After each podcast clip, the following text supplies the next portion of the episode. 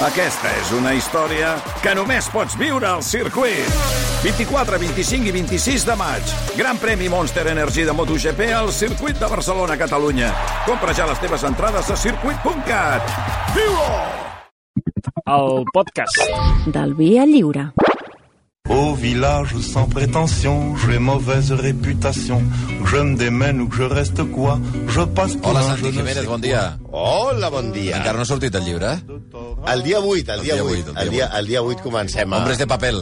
a la, la, la turra. O sigui, riu-te tu, riu tu de la turra de Toni García Grunyón. Déu meu, aquest Sant Jordi, eh? Com aniràs, eh? Amunt i avall, Depèn, si vinga els obren. fans, demanant... Si- si no sé obren, si no obren. Obren Malcom o no? Per Sant Jordi. Diuen que sí, no? Sí, sí, encara no sabem com, però sí. Bueno, Home, si no, obriran, obriran Girona. Aunque obrin Girona, ja Sí, tenim Girona. A tu, passa? tu et preocupa Girona. no, ho ha dit el, el doctor Reventol, no jo. El doctor Sí, sí, sí. Ramentol. I restaurants, per has preguntat per Les restaurants. No pregunto. pastilles del Bueno, doctor no Ramentol. Faltat dir... Escolta, però el celler estarà obert, sí o no? Perquè la meva taula està No reservada. he dit res de tot això. si vols ens confinem allà. No, no he dit Sí, res. sí, ens confinem tots allà. és que tu tota l'estona al doctor Ramentol li has dit escolta, a mi la pandèmia, la gent de 80 anys, això és una pela. Això no he dit res, d'això. Sí, sí que ho has dit. Sí S'ha entès, s'ha entès. Xavi. I, i, I el subtext era això. Què? I, I tu anaves dient, però Girona, Girona No obrirà, he dit Girona... res, de Gir... només una vegada quan ell ho ha dit. I els restaurants, i, i m'importa una merda el GEC, Prou. el- el l'Uni Girona, eh, el Girona Futbol Club, però els restaurants a Girona obren o no obren? De fet, ja s'ha enviat un, un WhatsApp que deia, però el celler sí o no? No, pesats, deixeu-me en pau, va. Vinga, va, avui qui fem? Avui... Mm, Quin nas que té? Quin, na, quin nas més bufó, eh? Quin nas més bufó, eh? De fet, eh, ja d'entrada per la gent que ens escolta, no hem trobat la manera mm, cer- certa Sí? de si es diu Cleòpatra Ah. o Cleopatra. Vale. O Queda per més tant- xulo dir Cleòpatra. Jo però- crec que en català s'ha de dir Cleòpatra. Però, Sí, clar, perquè era catalana, no? no, home, no. De tota la vida. Però vaja, Aleshores, el que farem serà dir indistintament Cleòpatra o Cleopatra. escolta'm, el, el papa Francesc no es diu Francesc, tampoc, que li diem Eh, així. no, compararàs a, no compararàs a un papa a- amb aquell nas. Mira, em va bé perquè ahir es va saber que d'Astèrix treuen nou còmic a l'octubre i... Mira, sí, Oriol, ets fan d'Astèrix? No ho sabia. Quin nas més bufó. I eh, quin nas més bufó? El del, el del Montfort, eh? També. Vale, vale. Què? Doncs avui li traurem de, traurem de la banyera a una senyora que era Cleòpatra i Cleopatra alhora. Cleòpatra, em diuen també la redacció, eh? Que ho diu Ah, com s'ha de digui la pronunciar. redacció. A, eh? a l'enciclopèdia catalana diu que s'ha Ah, de dir ho diu Cleòpatra. l'enciclopèdia catalana. Si diu l'enciclopèdia catalana, Aquí no entrem en discussió. aleshores Cleòpatra fins a, fins a la muerte, vamos. No té res a veure amb que el Malcolm hi treballi. Us he, dit, us he dit que el eh, Hombres de Paper l'ha dit a ci- enciclopèdia. Avui traurem de la banyera a una senyora que era molt culta, com tothom que treballa en aquesta redacció i enciclopèdia catalana, una de les dones més determinants de la història, que va canviar la configuració del món, que va vetllar pel seu poble i que s'ha portat, a ella no, més aviat al seu mite, al cinema i a la literatura milers de vegades. Una senyora que s'ha de dir que ens cau molt bé, Sí? però que també era una dona molt ambiciosa, que no tenia escrúpols, que liquidava i espalava qui se li posava per davant i que vivia la vida loca com si fos el risc. El risc allò de... Sí, sí. Allò ara com Can Xapca i... Exacte, i entro per aquí, i porto no, les Sí. tropes per allà... Bueno, Potser estem parlant de la primera influencer del dius? món. Sí. Si aquesta tia amb Instagram ho peta. quin nas. Quin més bufó. Una populista de manual a la qual no voldries tenir com a familiar, s'ha de dir perquè ara veureu. Parlem de Cleòpatra setena, Thea Philopator, que vol dir filo, que vol dir que estima, i pator, el pare. Ah. Per tant, filomàtic és que estimes a Gila. Més coneguda simplement com Cleòpatra. Y se desbordó mi pena. Bueno, Se volvió llanto y sangre. ara això que té a veure amb la Cleopatra? Home, Escolta. A veure, Morena. ara. a veure. Desde entonces lo juré. Què curaste, què curaste? La faraona se divierte. Ah, la faraona! Hombre, no podia faltar. Aquesta estava, aquesta estava cantada, mai millor dit. Un gat. Ah, era una broma, això. Estava cantada. Vale, vale. Ja, però- ja, ja. ja, ja. Anem amb la faraona, la d'Egipte, la nostra, i la seva història real. Egipte era l'últim estat sobirà que quedava en peu del que havia estat l'imperi d'Alexandre el Gran. De fet, el fill de Lagos, general d'Alexandre el Gran, que es diu Ptolomeu Lagos, comença una dinastia que està plena de Ptolemeus. A veure, tindrem Ptolomeus aquí fins a la sopa, eh? Sí, o sigui, hi ha molts Ptolemeus, eh? Podeu comptar, eh? Quants Ptolemeus hi ha? perquè són són- com els del, del poble d'aquell familiar teu? De, del meu sogre. Sí, aquests en sortiran també uns quants. Vale, Però vale. Ptolemeus, Vale. Ptolemeus aquí podem fer com el, el Núñez de Malarusa. I a cada vegada que diguem Ptolomeu, pip! I ha, si hi ha Ptolemeus que ens estan escoltant, que ens ho facin saber a través de les Home, que truquin, i tant. Bueno, que truquin no cal, però... O sigui, el, el que comença aquesta nissaga és Ptolomeu Lagos, que també comença una altra nissaga que acaba amb Julián Lago, però Sí? aquest... No, però- Eh, I diu que sí, a l'altre. No, home, perquè ho- abans de que acabés la frase. Però, bueno, en, quan en gairebé... de la- de l'absurditat La ja... Maquinus de la Veritas. En, en, en gairebé 300 anys hi ha més de 16 Ptolemeus. Ptolomeu! Aquesta dinastia té unes característiques molt rares. Es casen entre ells. Oh! Ja em direu, home, totes les dinasties es casen entre Una ells, però sí. no, no, no. Aquí parlem d'incest directe. Com si existís... Entre germans. Ah, entre germans? Sí, com si existís l'incest indirecte. Bueno, a veure... Sí, sí, més lleuger, més lleuger, potser. Sí, sí. Cap aquí. Aquí perquè ho feien a imatge i semblança dels déus. Era rotllo eh, Zeus i Hera, com que eren germans, però nosaltres també. Vinga. Ja, ja, ja, ja. I és ben curiós que en la cultura d'Egipte aquella època les dones eren que el que es deia basilisses, que eren reines amb poder. Mm. -hmm. I apareixien a les monedes. Ja sabes, això que fèiem servir abans la pandella, que era rodó, metàl·lic... Sí, sí, jo fa dies que no en tinc, ja. sí, sí. Però sempre, això perquè no eren, no eren tan moderns, Les de la sempre... propina que deixes allà. La de la propina saps. del celler, sí. Però sempre havien de tenir un home al costat. O sigui, eren moderns, però no tant. I normalment aquest home era el seu germà.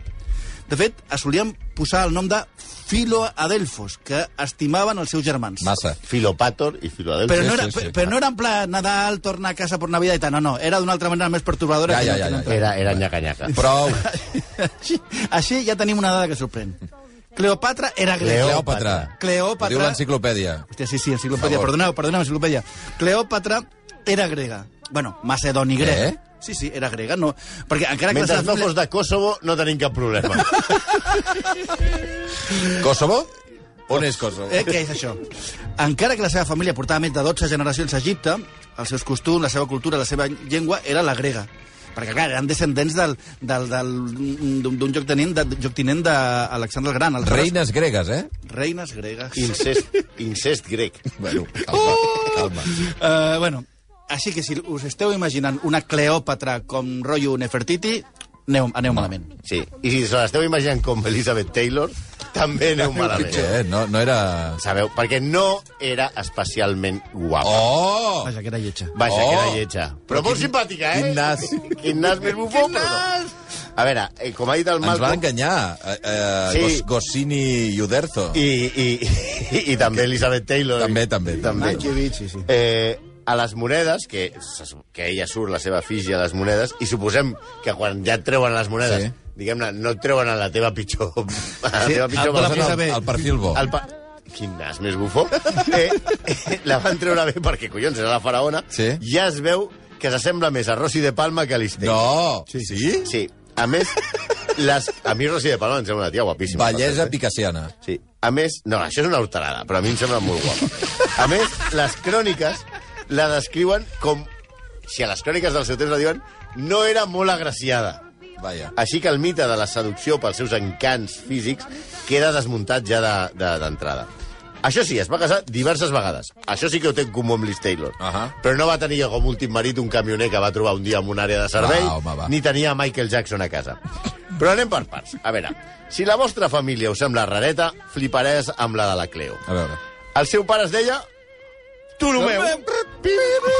En aquest cas, en aquest cas, Ptolomeu 12. Pip. I sabia que el seu regne era un xollo. Ell era ric, Ptolomeu, pip, i ha estat, i ell també. Però Roma, a l'imperi romà, sonava quedant tot. I aleshores, Ptolomeu, pip, que tenia mala fama perquè es veu que li agradava més pimplar que un tot d'una gorra quadros, Bueno. No estem en contra que la gent begui, òbviament, decideix que per evitar que el Roma eh, eh, envaeixi Egipte, la millor manera era eh, fer el que se segueix fent ara. Viatjar a Roma i subornar els polítics i dirigents de l'imperi romà Vaja. perquè no anessin a Egipte. Va viatjar diversos cops a Roma i va arri- arribar a oferir 6.000 talents. Els polítics en suborn. Talents? Sí, era la moneda, talents. Sí, no, no, no tenim aquesta calculadora que teníem abans, que calculàvem quan és un talent, això ja no ho tenim. O sigui, abans de Cris no arribem. Mm. Però, és, però, és, Però era molta pasta, eh? Molta pasta. Sí, com un aval pel Barça. Vale. Més o menys. Oi? Sí. Doncs bé, com Ptolomeu viatjava molt per subornar els romans, mentre ella estava subornant, els seus fills van intentar fer-se amb el poder en la seva absència. El tio estava ja de vinos amb els romans i subornar-los amb talents, i aleshores els seus fills, sobretot, dues de les seves filles, Cleòpatra sisena, a veure, aquí hem d'explicar. Se li posava a les filles igual, però amb número. Ah. Us en recordeu dels cromos allò d'abans? Sí. Que era allò, rojo primero, rojo segundo? Sí, sí, sí. Pues aquest, I els totes les- futbolistes, no? Clar, Això. els futbolistes, clar, rojo primero, rojo segundo... Sí, tal. sí, sí. Bueno, epi primero, epi segundo... Doncs es veu que aquest tio, totes les filles, els deia Cleòpatra. Bueno, mira. I Cleòpatra sisena eh, va, va intentar també eh, tombar-lo amb el seu fill, amb el seu germà, Berenice II. Ells conspiren contra el seu pare mentre està borratxo a Roma, però el pare no estava tan taja i torna i se les carrega. Bé, no passa res. De la conspiració en conspiració li arriba torn a la nostra Cleòpatra. Cleòpatra setena, que quan mor el seu pare, ella és nomenada successora, la reina. Però, clar, què passa? S'ha de casar. Clar. I amb qui es casa? Amb el seu germà. Hombre, I com es diu el germà? Ptolomeu 13. A veure, ella, quan, a- quan, a- quan arriba a ser reina i s'ha de casar amb el seu germà Ptolomeu, és jove, té 18 anys, i el seu germà té 10 anys. Hosti, què dius? Per tant, el que li van dir a casa va ser Ptolomeu, deixa els Pokémon i acaben la sopa que aquesta tarda et cases. Don't call my name. Oh!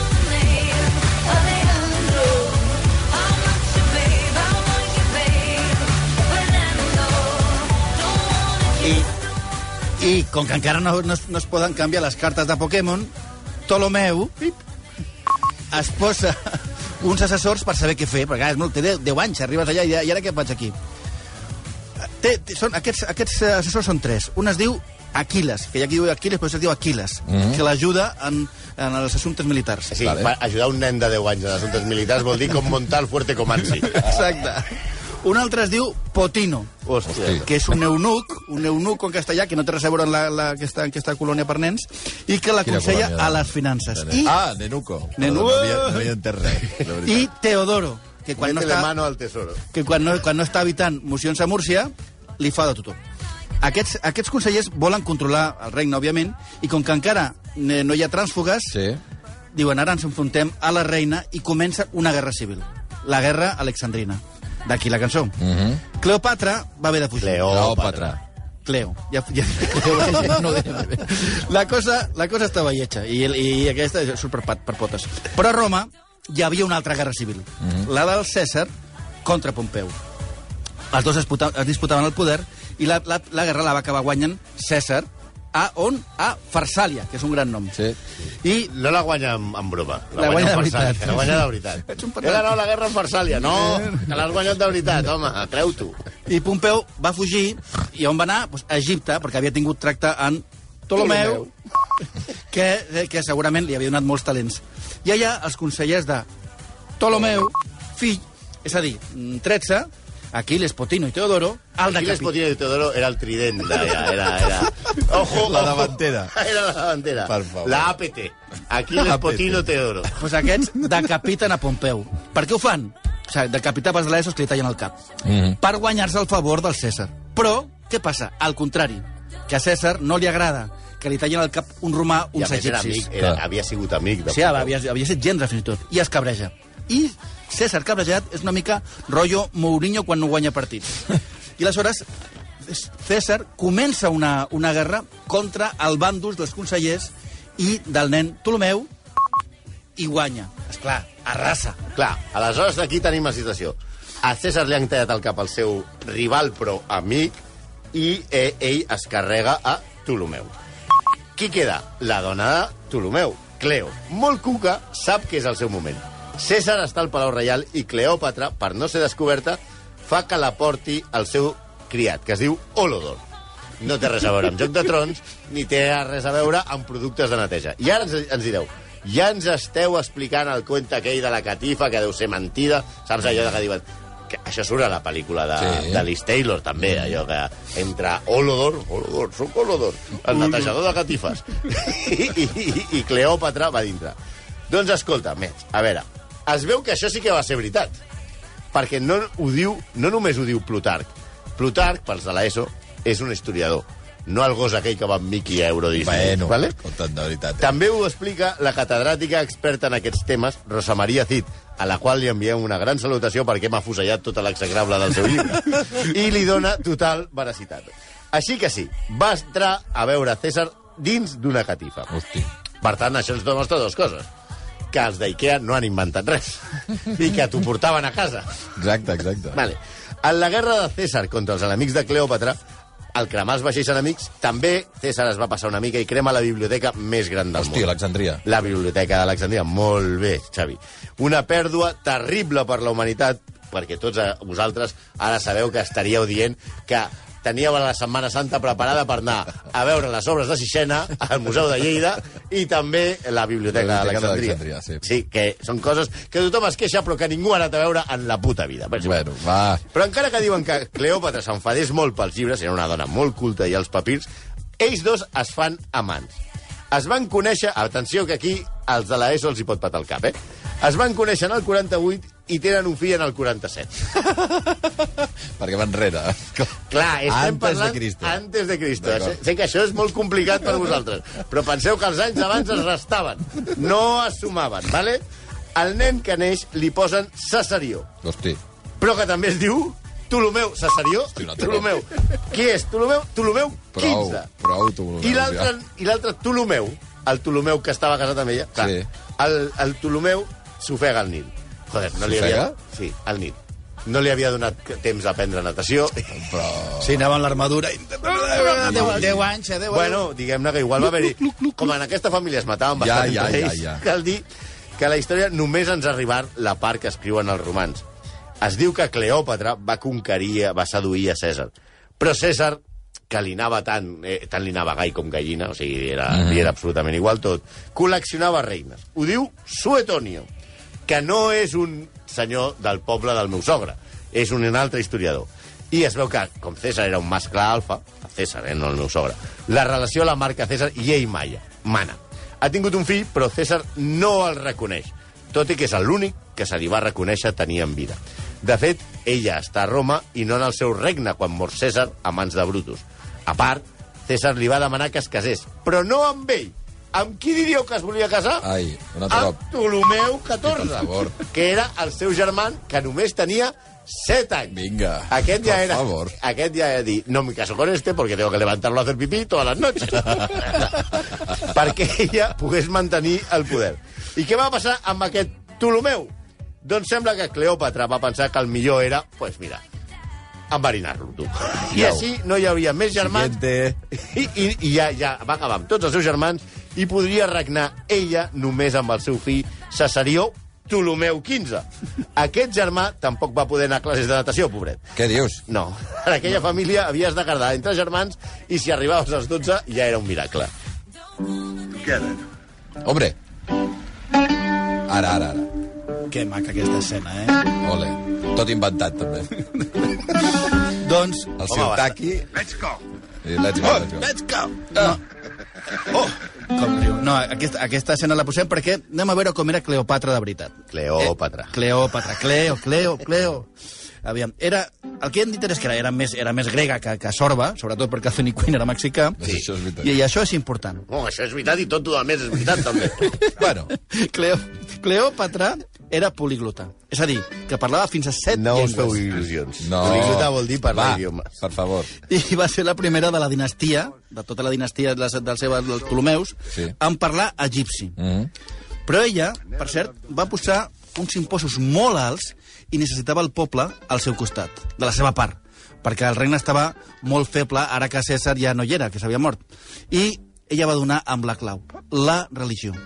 I eh, es va oblidar una estoneta dels seus i les eres, i que si Hermès i tal, i va dir, d'Hermès no dels bolsos, sinó, i va crear, va dir, bueno, canviem de religió, jo ara, els, els, els mandataris, ens farem de la religió del poble. I va crear un temple a la deessa egípcia Isis, Però que, quina imatge va posar?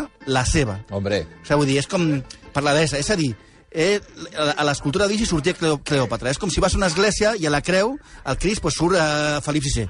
Saps? Vull dir, pues, ara a Setmana Santa, ara hi ha la processió i surt Felip VI crucifixat. Clar. Doncs, ah, Això ho feien abans. Ja, ja. No vol dir que ho hagin de fer ara. posaven la cara. Eh, exacte, La cara, clar, clar. qui manava. En Perquè aquest- la gent associés Clar, clar, allò. clar, clar. I aquesta, aquesta tia és molt guai.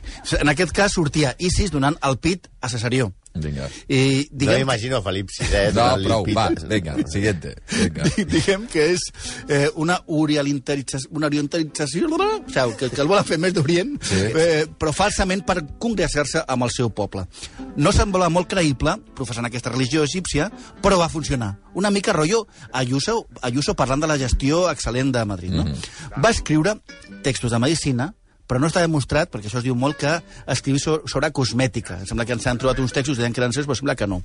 Tampoc que es banyés en llet de borrà. Ah, no? No, d'altra banda, d'altra banda, això veure, em sembla una guarrada. Una Una marranada. Fàstic. Ja m'he dit, on compres la, la llet de burra? Vas al, al, al gourmet allà, al, No, al, al Corte càmeres Inglés? per tot arreu. Sí, sí, home, home.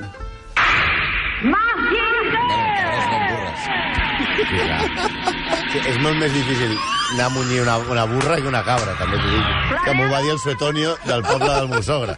Bueno, Mazinger, què passa? Mazinger, a veure, a veure, li dura molt poc la conversió religiosa. Ah, sí? Sí, perquè, eh, perquè hi ha un altre enfrontament, una altra guerra civil. Això sembla el Barça o Ciutadans tota l'estona, no? A veure, a Roma maten a César i hi ha una guerra civil entre els que van matar César, els cesarideses, Sí. i els que persegueixen els que maten... Cesaricides. Això. I els dos li demanen... aj- Aquesta paraula me l'ha posat a propòsit. els dos li demanen ajuda. Els dos bàndols, els que han matat a César i els que estan perseguint els que han matat a César. Mhm. Sí, sí. I demanen ajuda a Egipte, perquè ja hem dit que Hi havia pasta allà. Egipte era ric i tenia un molt bon exèrcit. Mhm.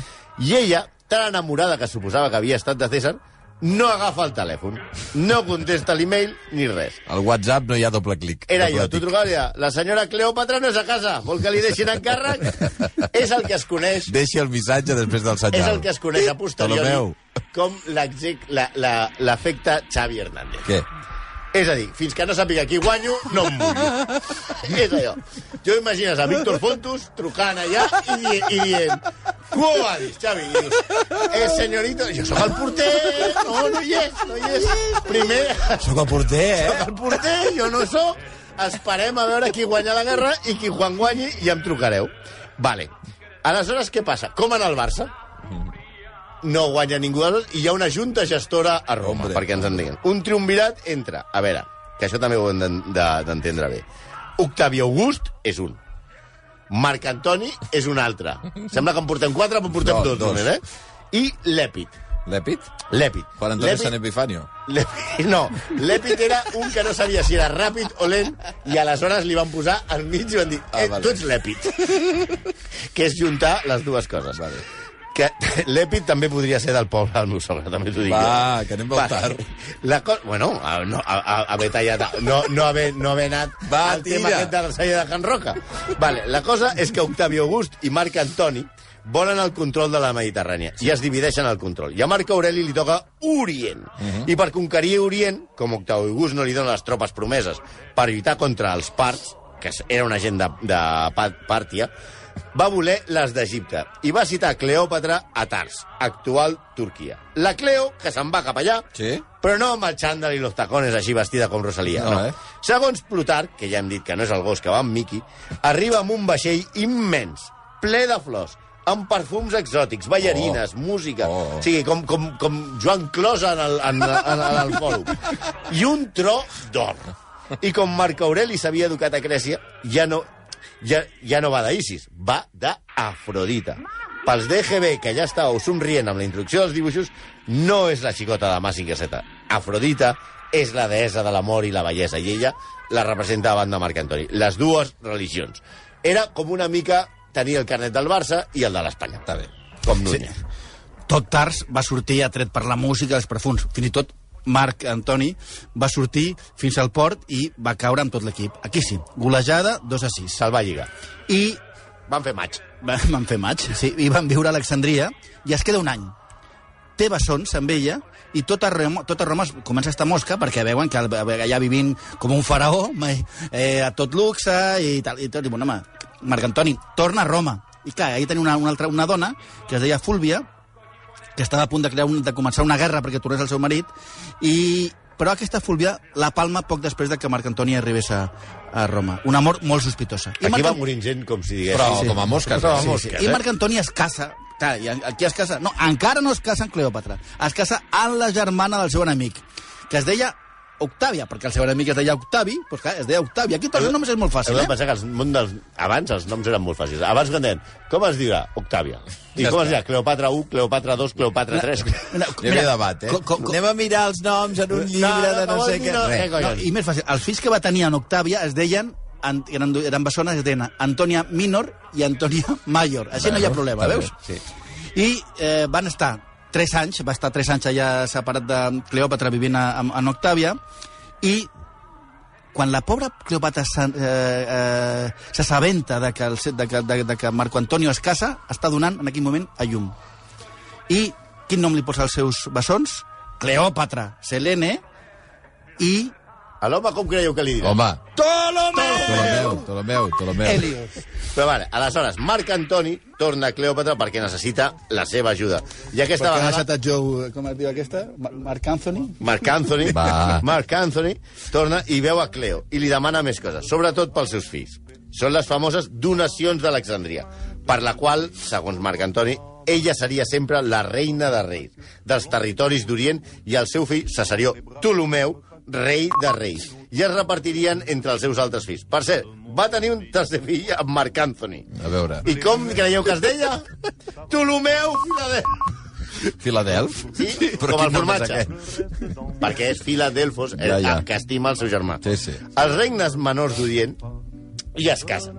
Però abans es divorcia Marc Anthony, que ara li diré Marc Anthony perquè m'agrada més, d'Octàvia, i entra en guerra contra Octavi, germà d'Octàvia. Jo estic ja perdut, eh? Sí, ves ahí, tot surt malament. Hi ha una batalla molt gorda, molt gorda. La batalla d'Actiu. Sí. Sí. Marc Antoni perd. I Egipte passa a ser romà, dels que no estimen a Cleòpatra. Uh -huh. Cleòpatra li demana al seu tutor, com veu que venen mal dades, que tingui cura del seu primogènit, Ptolomeu. Molt, I té molta cura, molta cura. Li fa molt de gas. El maten quan sap que, Hosti. que, que Cleòpatra ha Per mort. Ella, com ja sabeu, es, o hauríeu de saber, es suïcida Sí, senyor. per morir com a reina. Amb allò de, que fa que la, que la mossegui una serp. No sabem si és un àspid o una cobra o una Ptolomeu. I aquesta és la veritable, la veritable història de Cleòpatra, que tenia problemes de memòria. Cleòpatra. Que tenia problemes de memòria i com ho solucionava? Posant Ptolomeu a tothom. Que va matar el seu germà quan era un nen, que es va fer un temple religiós per tenir el favor del poble, que va conquistar a Marc Anthony amb premeditació. Ojo, que això potser la geopolítica ho permet, eh? això de seduir per guanyar. Enca encara que jo no m'imagino a la Merkel intentant lligar amb Biden I, i, i sí, i, uh, i al revés. i al revés. I que va acabar eh, amb el seu marit per un excés d'ambició. Aquest, eh, per demanar que no quedi, de vegades pot ser fatal. Però, la veritat, tot s'ha de dir, aquesta tia ens cau bé. I té un nas molt bufó. Sí. Molt bufó. Molt I cal, cal dir que eh, va morir abans del 40, de, de tenir 40 anys. I així tot va canviar la història. Com tu, una jove promesa. Pràcticament un quart de 12 del matí. Doncs Cleòpatra, avui, que passa a ser una il·lustre execrable. Ai, quin nas més bufó. Gràcies, quin nas més bufó. Gràcies, Santi, gràcies, Malcolm. Apa, siau, siau, siau. Tout le monde viendra me voir pendu, sauf les aveugles, bien entendu.